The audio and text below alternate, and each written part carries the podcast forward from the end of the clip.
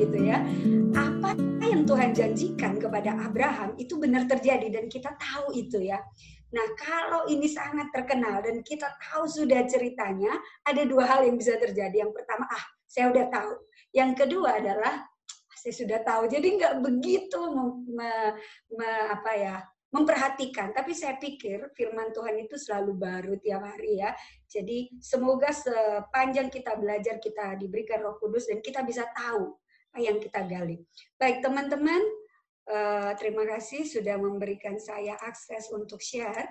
Teman-teman saya akan mulai eh, beberapa minggu ini kita sudah sebenarnya kita sudah belajar tentang Eh, beberapa hal ya. Artinya kita sudah belajar tentang iman Habel, kemudian kita sudah juga belajar tentang iman Nuh ya. Kita juga sudah belajar tentang iman Noah dan hari ini kita akan belajar lebih banyak lagi tentang iman Abraham. Sebenarnya eh, kalau dipikirkan ini masih dalam ke kalau Habel itu adalah turunan pertama ya, anaknya Adam. Kemudian turun lagi Tuhan menjanjikan ya kita tahu bahwa dunia ini semakin uh, dalam keadaan yang tidak bagus dan uh, dia sudah memberi memberitahukan itu kepada Henok. Kemudian Henok diberikan perjanjian dengan imannya Henok diangkat Tuhan ke surga dan akhirnya uh, dengan imannya dia bertemu dalam keadaan hidup ke surga dan kemudian setelah itu keturunan berikutnya adalah uh, yang kita tahu. Halo teman-teman bisa dengar ya suara saya ya. Saya takutnya saya miss ini. Uh, kemudian setelah Henok kita tahu bahwa uh, berikutnya adalah Nuh ya. Di mana pada zaman Nuh kita tahu Tuhan melulu lantahkan dunia yang melenyapkan dengan air bah karena begitu jahatnya. Kemudian setelah itu kita belajar lagi pada hari ini Abraham. Abraham itu adalah turunan ke-11 dari uh, kalau kita belajar silsilah ya. Tapi saya pikir kita menggali lebih dalam lagi. Baik teman-teman, mari saya mengundang semua kita untuk membuka pelajaran kita. Kita buka Alkitab kita Eh, dari Ibrani 11 ayat 8 sampai 9. Teman-teman siapa saja yang dapat ayatnya boleh langsung membacakan. Ibrani 11 ayat 8 dan 9 boleh dibacakan teman-teman siapa aja?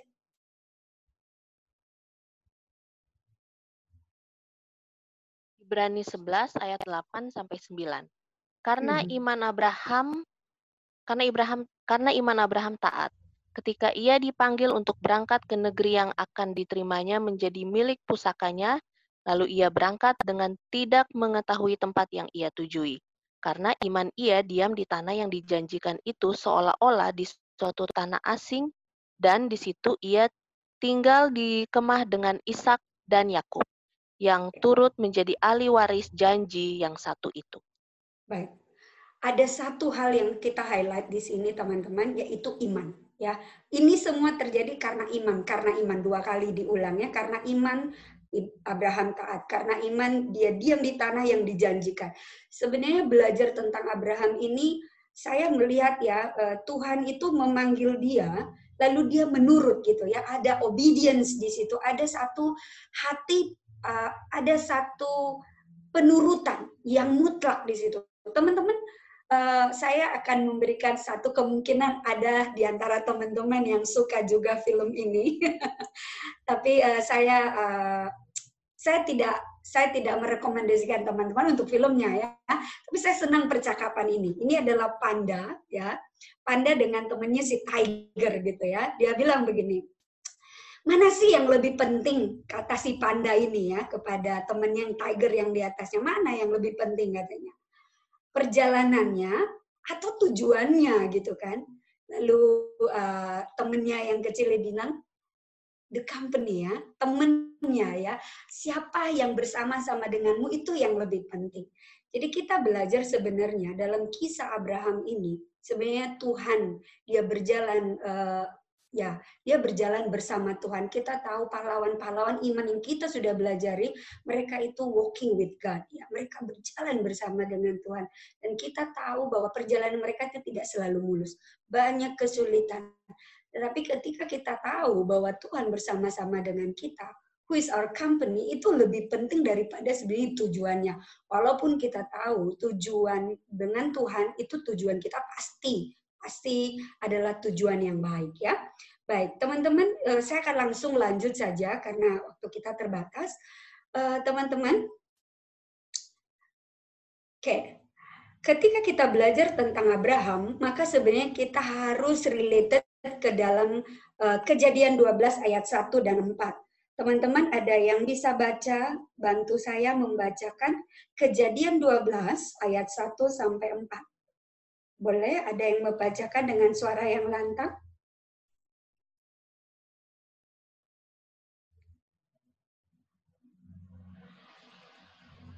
Siapa saja? Silakan. Ada?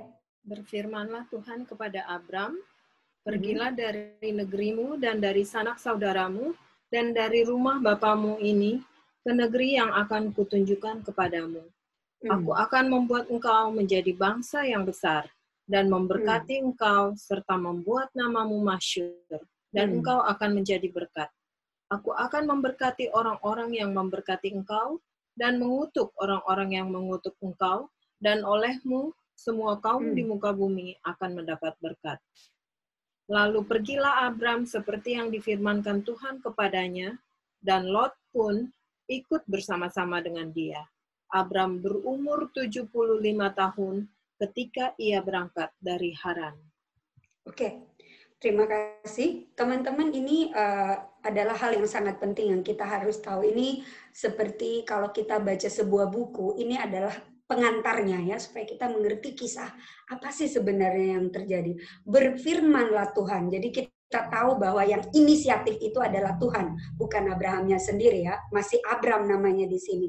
Kita tahu pada saat itu uh, Abram ada di tanah Ur. Tanah Ur ini adalah Babilonia ya. Berarti kita tahu bahwa uh, tanah atau negeri di mana Abraham tinggal pada saat itu adalah negeri yang sangat maju ya. Di mana negeri yang sangat maju, perdagangan yang sangat maju tentu pasti gaya hidupnya berbeda ya. Bandingkan teman-teman mungkin di Jakarta mungkin beda ya kalau kita bandingkan mungkin dengan di Sumatera atau di Siantar gitu karena saya berasal dari Siantar a bit different ya, sangat berbeda. Atau misalkan di Bali lah, saya sekarang lagi di Bali, beda, cara hidupnya berbeda. Dan memang di Alkitab tidak ada dikatakan Abraham ini sebenarnya dia ngapain ya artinya kita tidak tahu sebenarnya pekerjaannya dia apa tetapi dalam Bible commentary dikatakan kemungkinan dia ini adalah pedagang gitu ya dilihat dari uh, uh, pen, uh, apa penceritaan Alkitab tentang apa yang dimiliki Abraham dan kekayaan yang dimilikinya Lalu dikatakan di sini, berfirmanlah Tuhan kepada Abraham, pergilah dari negerimu dan dari sanak saudaramu teman-teman ini lucu ya, pergilah.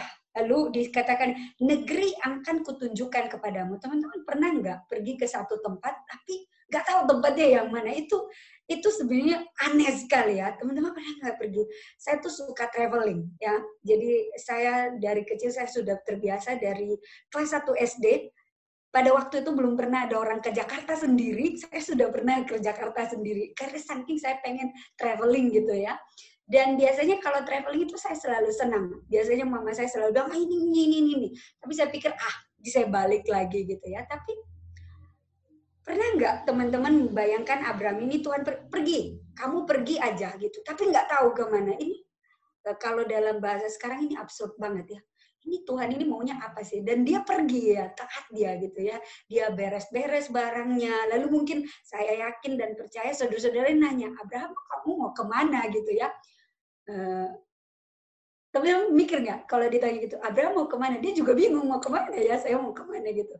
Itu sesuatu hal yang lucu, tapi sesuatu hal yang sebenarnya itu uh, kalau menurut saya ya mungkin lucu, tapi sebenarnya itu adalah sesuatu ketaatan yang luar biasa begitu ya. Uh, kemudian di sini kalau kita lihat ada tiga hal penting yang ada diceritakan dalam kejadian 12 ayat 1 dan 4 uh, saya akan pergi ke sini. Di dalam kejadian 12 ayat 1 dan 4 ada tiga hal yang saya highlight. Yang pertama adalah di ayat pertama Tuhan bilang pergi, go. Ya, pergi itu berarti kalau kita pergi, kita meninggalkan sesuatu. Apa yang ditinggalkan? Sanak saudara. Teman-teman pernah nggak meninggalkan sanak saudara? Saya tahun 2004, 2004, 2003 saya ke Makassar ya.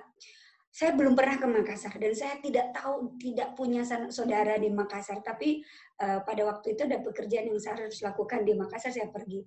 Mama saya tuh sampai nangis, dia bilang, ngapain sih kamu ke, ke Makassar? Apa nggak ada pekerjaan di Jakarta? Pada waktu itu saya kerja juga di Jakarta, ada satu perusahaan minyak namanya Faiko itu besar perusahaannya tapi entah kenapa memang Tuhan uh, menyuruh saya pergi ke sana gitu. Ketika saya pergi tuh mama saya menangis begitu ya. Saya tahu dia menangis tidak di depan saya, dia menangis di tempat tidurnya ber, ber, uh, menangis tapi ketika dia menangis dia meminta kepada Tuhan tapi dia pengen saya itu nggak pergi ke Makassar begitu ya karena dia bilang kau tahu Makassar itu begini begini ya banyak kejahatan dan sebagainya tapi Tuhan memberikan perintah ya. Saya yakin Tuhan memberikan perintah pada waktu itu saya tidak menyadari. Tapi setelah 10 tahun setelah itu saya baru menyadari bahwa memang Tuhan memberikan uh, perintah untuk saya pergi ke sana.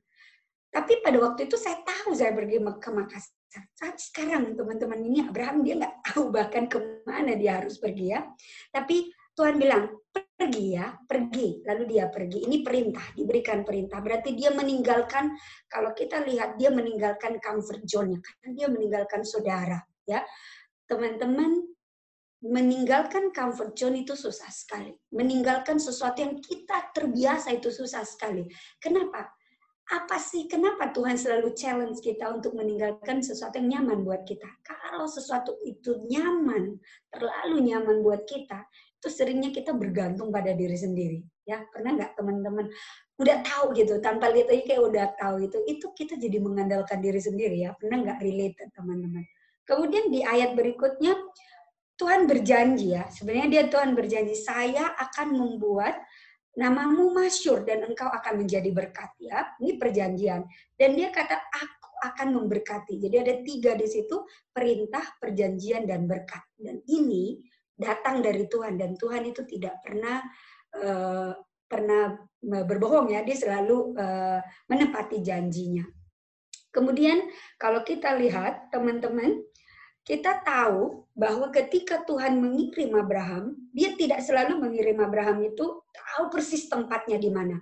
Tapi saya senang sekali ini uh, di uh, di apa khotbah ini atau sharing ini, sermon ini diberikan oleh pen, uh, pendeta Benjamin Eng. Dia, saya quote ya kalimatnya, dia bilang begini, God doesn't always give you the end of plan, but God give give you ya or him ya uh, the end of the result. Jadi Tuhan itu sebenarnya tidak selalu memberikan kepada kita dalam satu perjalanan itu uh, begini begini apa ya maksudnya ujungnya itu kita tidak selalu tahu. Mungkin ujungnya itu nggak happy ending. Tapi kita tahu Tuhan itu selalu memberikan hasil yang terbaik. Karena hasil yang terbaik itu adalah Tuhan sendiri gitu ya. Jadi ini sesuatu janji yang sangat menyenangkan teman-teman. Ini janji yang kita nggak perlu takut gitu ya. Karena kita tahu Tuhan itu adalah hasil dari apa yang kita jalani kalau kita bergantung kepada Dia. Baik teman-teman uh, saya lanjut. Bolehkah salah seorang dari antara teman-teman membaca kejadian 12 ayat 7 dan 8? Boleh dibacakan? 7 dan 8. Siapa saja teman-teman boleh? Kejadian 12 ayat 7 dan 8. Ketika itu Tuhan ya. menampakkan diri kepada Abram dan berfirman, Aku akan memberikan negeri ini kepada keturunanmu, maka didirikannya di situ mesbah bagi Tuhan yang telah menampakkan diri kepadanya. Kemudian hmm. ia pindah dari situ ke pegunungan di sebelah timur di Betel. Hmm. Sebelah timur Betel. Ia memasang kemahnya dengan Betel di sebelah barat dan Ai di sebelah timur. Lalu ia mendirikan di situ mesbah bagi Tuhan dan memanggil nama Tuhan. Oke. Baik teman-teman, di dalam kejadian 12 ayat 7 sampai 8 ini adalah cerita berikutnya ya. Jadi Abraham berangkat bersama beberapa saudara-saudaranya yang dia panggil ya, ikut bersama dia. Sarah istrinya dan Lot dan anak saudaranya dan segala harta bendanya dan eh, pembantu-pembantunya dia ikut sana. Ke dia ikut berangkat juga ke tanah Kanaan ya. Lalu Abraham berjalan melalui negeri itu dan sampai ke satu tempat dekat Sikem, yakni pohon terbatin di Mor. Waktu itu orang Kanaan diam di negeri itu Ketika Tuhan menampakkan diri kepada Abraham dan berfirman, "Aku akan memberikan negeri ini kepadamu." Tuhan mengulangi lagi janjinya ya. Maka dia mendirikan di situ mesbah bagi Tuhan. Jadi dia mengingat lagi nama Tuhan. Dan Tuhan menampakkan diri kepadanya. Tuhan di situ huruf besar, saudara-saudara, teman-teman. Berarti ini kalau dalam bahasa aslinya ini pasti Yahweh ya. Jadi Tuhan di sini berarti ini sudah mengungkapkan bahwa Tuhan yang esa ya Tuhan dalam persekutuannya. Kemudian ya pindah dari situ ke pegunungan di sebelah Betel dan seterusnya. Ini perjalanannya. Jadi kita tahu bahwa Abraham ketika disuruh oleh Tuhan pergi-pergi dia pergi dan dia berjalan walaupun tidak tahu tujuannya ke mana. Dia membuat keputusan sesuai dengan apa yang Tuhan kehendaki. Ini sesuatu yang melawan logika ya logika pribadi atau uh, ya logic thinking kalau orang-orang sekarang. Kalau sekarang kan kita harus tahu ini kalau saya pergi ke sini apa, apalagi kalau teman-teman bergerak di bidang uh, investment atau bisnismen ya kita harus tahu ini resikonya apa dan sebagainya. Tapi Abraham nggak, walaupun dia seorang pengusaha, dia nggak memikirkan itu ya pergi pergi aja ya. Jadi ini sangat menarik menurut saya. Kemudian uh, apa sih yang terjadi selanjutnya? Teman-teman uh, kita tahu apa yang terjadi selanjutnya. Teman-teman boleh saya minta uh, membuka dari kejadian uh, kejadian 13. Teman-teman boleh satu orang membaca kejadian 13 ayat 1 uh, ayat sorry sorry oke oke okay.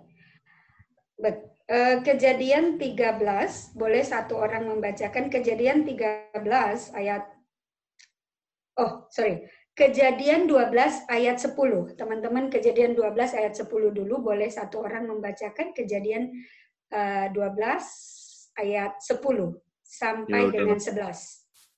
10. Ketika ya. kelaparan timbul di negeri itu, pergilah Abram ke Mesir untuk tinggal di situ uh -uh. sebagai orang asing sebab hebat kelaparan di negeri itu. 11. Uh -huh. Ya. Pada waktu itu ia akan masuk ke Mesir berkatalah ia kepada Sarai istrinya, Memang aku tahu bahwa engkau adalah seorang perempuan yang cantik parasnya. Oke, terima kasih. Ya. Begitu dia keluar, dia disambut dengan kelaparan ya, kelaparan yang sangat dahsyat. Dan kalau kita teman-teman kalau disuruh pergi tiba-tiba misalkan teman-teman pergi ke luar negeri ya tiba-tiba kelaparan gitu nggak ada makan pasti yang terjadi apa kita akan komplain ya teman-teman adakah yang bisa membacakan ayat 13 dan 14 apa yang terjadi selanjutnya?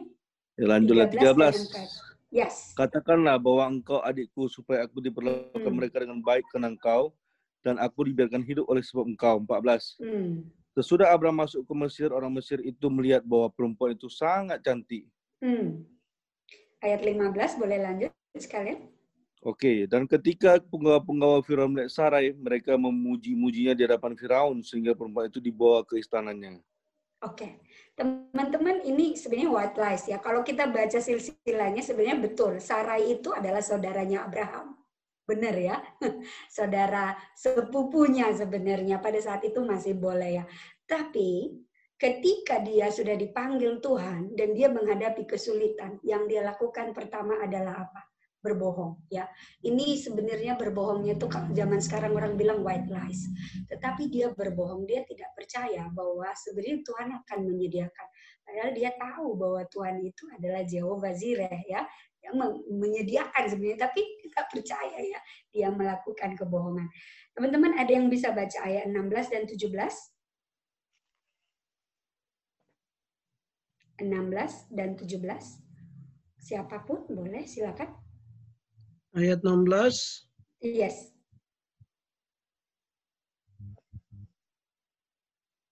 Firaun menyambut Abraham dengan baik-baik karena ia mengingini perempuan itu dan Abraham mendapat kambing domba, lembu sapi, keledai jantan, dak laki-laki dan perempuan, keledai betina dan unta. Hmm. Tetapi Tuhan menimpakan tula yang hebat kepada Firaun Demikian juga kepada si istananya. Karena Sarai istri Abraham itu Lalu Firaun ayat 18, lalu Firaun memanggil Abraham serta berkata, "Apakah apakah yang kau perbuat ini terhadap aku? Mengapa tidak kau beritakan, beritahukan bahwa ia istrimu? Mengapa engkau katakan dia adikku, sehingga aku mengambilnya menjadi istriku? Sekarang inilah istrimu, ambillah dan pergilah. Lalu Firaun memerintahkan beberapa orang untuk mengantarkan Abram pergi bersama sama dengan istrinya dan segala kepunyaannya. Teman-teman, kita tahu bahwa Abraham berbohong, tetapi Tuhan tidak tinggal diam sebenarnya ketika Abraham disu, uh, ketika Tuhan menyuruh Abraham pergi ke tempat ini ke Mesir, sebenarnya dia mau menjadikan Abraham jadi berkat. Tetapi Abraham itu imannya itu diuji dan dia kalah pada waktu ini ya dia berbohong dan Tuhan campur tangan dengan menyelamatkan dia artinya Tuhan saya yakin dan percaya Tuhan memberitahukan kepada Firaun makanya dia tahu ini istrinya ya dia memberikan tulah Tuhan memberikan tulah. Kita lihat karena perbuatan Abraham yang seharusnya dia menjadi berkat, sekarang dia menjadi kutuk bagi si uh, Raja Firaun. Jadi betul ya, ini satu pembelajaran juga. Saya belajar sekali tentang ini. Kalau memang kita menjadi orang-orang yang percaya kepada Tuhan, tapi kita bukan orang yang taat dan kita hmm, melakukan sesuatu yang tidak benar, kita bukan jadi berkat, tapi malah jadi kutuk. Tetapi saya senang sekali ketika di ayat berikutnya, teman-teman, ya ini Abraham tidak menjadi berkat, tapi dia jadi kutuk ya, karena dia imannya itu diuji dan dia kalah begitu ya. Baik, teman-teman saya lanjutkan. Boleh saya minta tolong, ada satu orang membaca dari kejadian 13 ayat 1 dengan kuat, boleh? Maka pergilah Abram dari Mesir ke tanah hmm. Negeb dengan istrinya hmm. dan segala kepunyaannya dan Lot pun bersama-sama dengan dia. Ya, teman-teman saya nggak punya waktu untuk menjelaskan, tapi kalau kita lihat di map ya, sebenarnya Abraham ini berjalan balik lagi ya ke ke tempat. E, jadi kayak dia sudah sampai di satu tempat di sini kayak dia balik balik lagi, ya, dan di situ dia menyadari dia kalau kita baca selanjutnya ayat ini, kita tahu sekali bahwa Abraham dia tahu, dia feeling guilty ya, dia merasa bersalah kepada Tuhan dan dia memanggil nama Tuhan setelah kejadian yang dia di Mesir. Dan uh, kita tahu bahwa perjalanan Abraham baru dimulai ya. Kita tahu banyak sekali. Ini baru part satu. Nanti minggu depan ini akan ada part 2. Teman-teman, uh, saya hanya akan memanggil kita untuk memahami satu hal. Abraham itu dipanggil oleh Tuhan untuk menjadi berkat. Dan kita tahu dari Alkitab bahwa Tuhan sudah menjadi, eh, sorry, bahwa Abraham sudah menjadi berkat. Kita tahu itu dari kisah hidupnya. Dan kita tahu dalam perjanjian lama, nama Abraham itu sangat besar. Dan kita tahu banyak hal yang kita bisa pelajari dari hidupnya.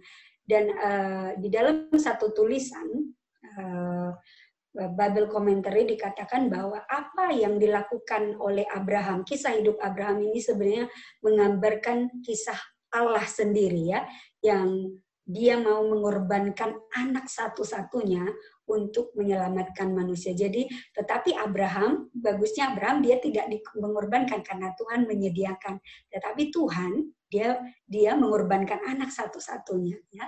Jadi uh, Tuhan memanggil Abraham menjadi berkat. Dan kita tahu bahwa kita adalah turunan dari Abraham. Hari ini kita ada ketika kita mengatakan bahwa kita adalah pengikut Tuhan, bahwa kita adalah juga ber, uh, kita adalah keturunan dari Abraham dan kita juga dipanggil untuk menjadi berkat. Uh, Abraham walaupun dia gagal di ujian yang pertama ketika di Mesir, dia tetap kembali kepada Tuhan. Repent your sin ya, dia dia menyesal dan kembali kepada Tuhan. Itu inti dari pembelajaran hari ini. Uh, saya akan menutup dengan ini, teman-teman. Blessed to be blessing. Saya mau uh, cerita sedikit. Saya sebentar, teman-teman. Saya lihat waktu saya dulu. saya mau cerita sedikit, teman-teman. Ini kesaksian secara pribadi ya. Sebenarnya mungkin beberapa teman sudah pernah dengar uh, cerita ini tapi uh, saya akan cerita bagian ini karena ini sangat menurut saya related dengan apa yang kita bicarakan pada hari ini. Tahun 2004 saya pergi ke Makassar dan saya tinggal di sana dalam waktu 10 tahun ya karena uh, saya mengajar di sana. ketika saya di sana teman-teman saya tinggal di satu tempat uh, di apa di sebuah perumahan namanya Lipo ya Lipo di perumahan Lipo di situ karena memang itu dari tempat uh, saya mengajar di di tetangga kita itu ada seorang yang kita sering uh, berhubungan ya selalu misalkan kalau ada apa-apa kita selalu kasih atau misalkan kalau pas ada acara kita pasti akan selalu kasih. Kalau misalkan kita pulang kampung kita pasti kasih sekali uh, apalah kayak oleh-oleh dan sebagainya. Kita baik sekali. Kalau kita pergi ke sekolah kita selalu nyapa dan sebagainya. Jadi uh, semuanya baik gitu ya.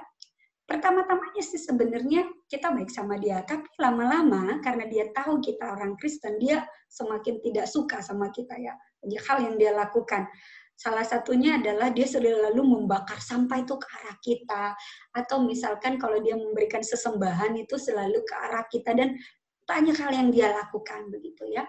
Tapi kita baik-baik saja sih, karena namanya tetangga ya dan kita pendatang begitu. Lalu eh, tahun 2015 saya pindah dari Makassar ke Jakarta ya. Lalu eh, kita pamit dong ya namanya tetangga yang kita mau pergi gitu. Pak, makasih ya kita mau balik ke Jakarta bla bla bla. Terus dia dia datang gitu ya, dia bilang, "Wah, ibu ini katanya. Peliharaannya lebih berat dari saya." Kita bingung peliharaan apa ya? gitu ya. Hah? Peliharaan apa pak? Saya kita gitu ngomongnya ada yang jaga rumahnya ibu itu. Begini begini. Dalam hati kita kayak nggak ada deh yang jaga rumah kita gitu ya. Tapi kita tahu saya tahu dari uh, kesaksian bapak itu bahwa saya yakin itu adalah Allah yang saya sembah Allah yang hidup ya. Artinya dia bilang saya menyuruh saya menyuruh. Berarti dia menyuruh seseorang untuk datang ke rumah kita tapi dia nggak bisa masuk begitu ya. Saya berpikir Tuhan itu ya dia bilang saya yakin seperti tadi katakan Tuhan itu tidak selalu memberikan kita perjalanan yang menyenangkan ya. Tetapi kita tahu by the end of the of the journey, the result of the journey di akhir perjalanan itu kita tahu bahwa Tuhan itu bekerja dan dia adalah akhir dari segalanya. Jadi teman-teman uh, ini uh, ini saya bukan mengatakan bahwa uh, saya itu mengenal Tuhan lebih dari teman-teman bukan, tapi saya yakin begitu kita menyerahkan hidup kita kepada Tuhan, dia akan granted ya blessing kepada kita ya. Tetapi kita tahu blessing yang Tuhan berikan, berkat yang Tuhan berikan itu kepada kita ada syaratnya. Turutilah segala perintahku. Ya, obey ya dan itu yang dilakukan oleh Abraham. Jadi teman-teman saya akan menutup renungan kita pada malam hari ini adalah uh, apakah kita sudah menjadi berkat? Ya kalau kita katakan kita orang Kristen pengikut Yesus gitu ya. Saya nggak peduli teman-teman mau datang dari denominasi yang mana. Saya nggak mempermasalahkan itu. Tapi ketika kita bilang kita percaya kepada Tuhan Yesus maka kita sudah betul-betul jadi berkat. Terus sebenarnya kita jadi kutuk ya. Saya itu itu sebenarnya pertanyaan kepada saya juga. Dari Tuhan sampai saya jadi kutuk begitu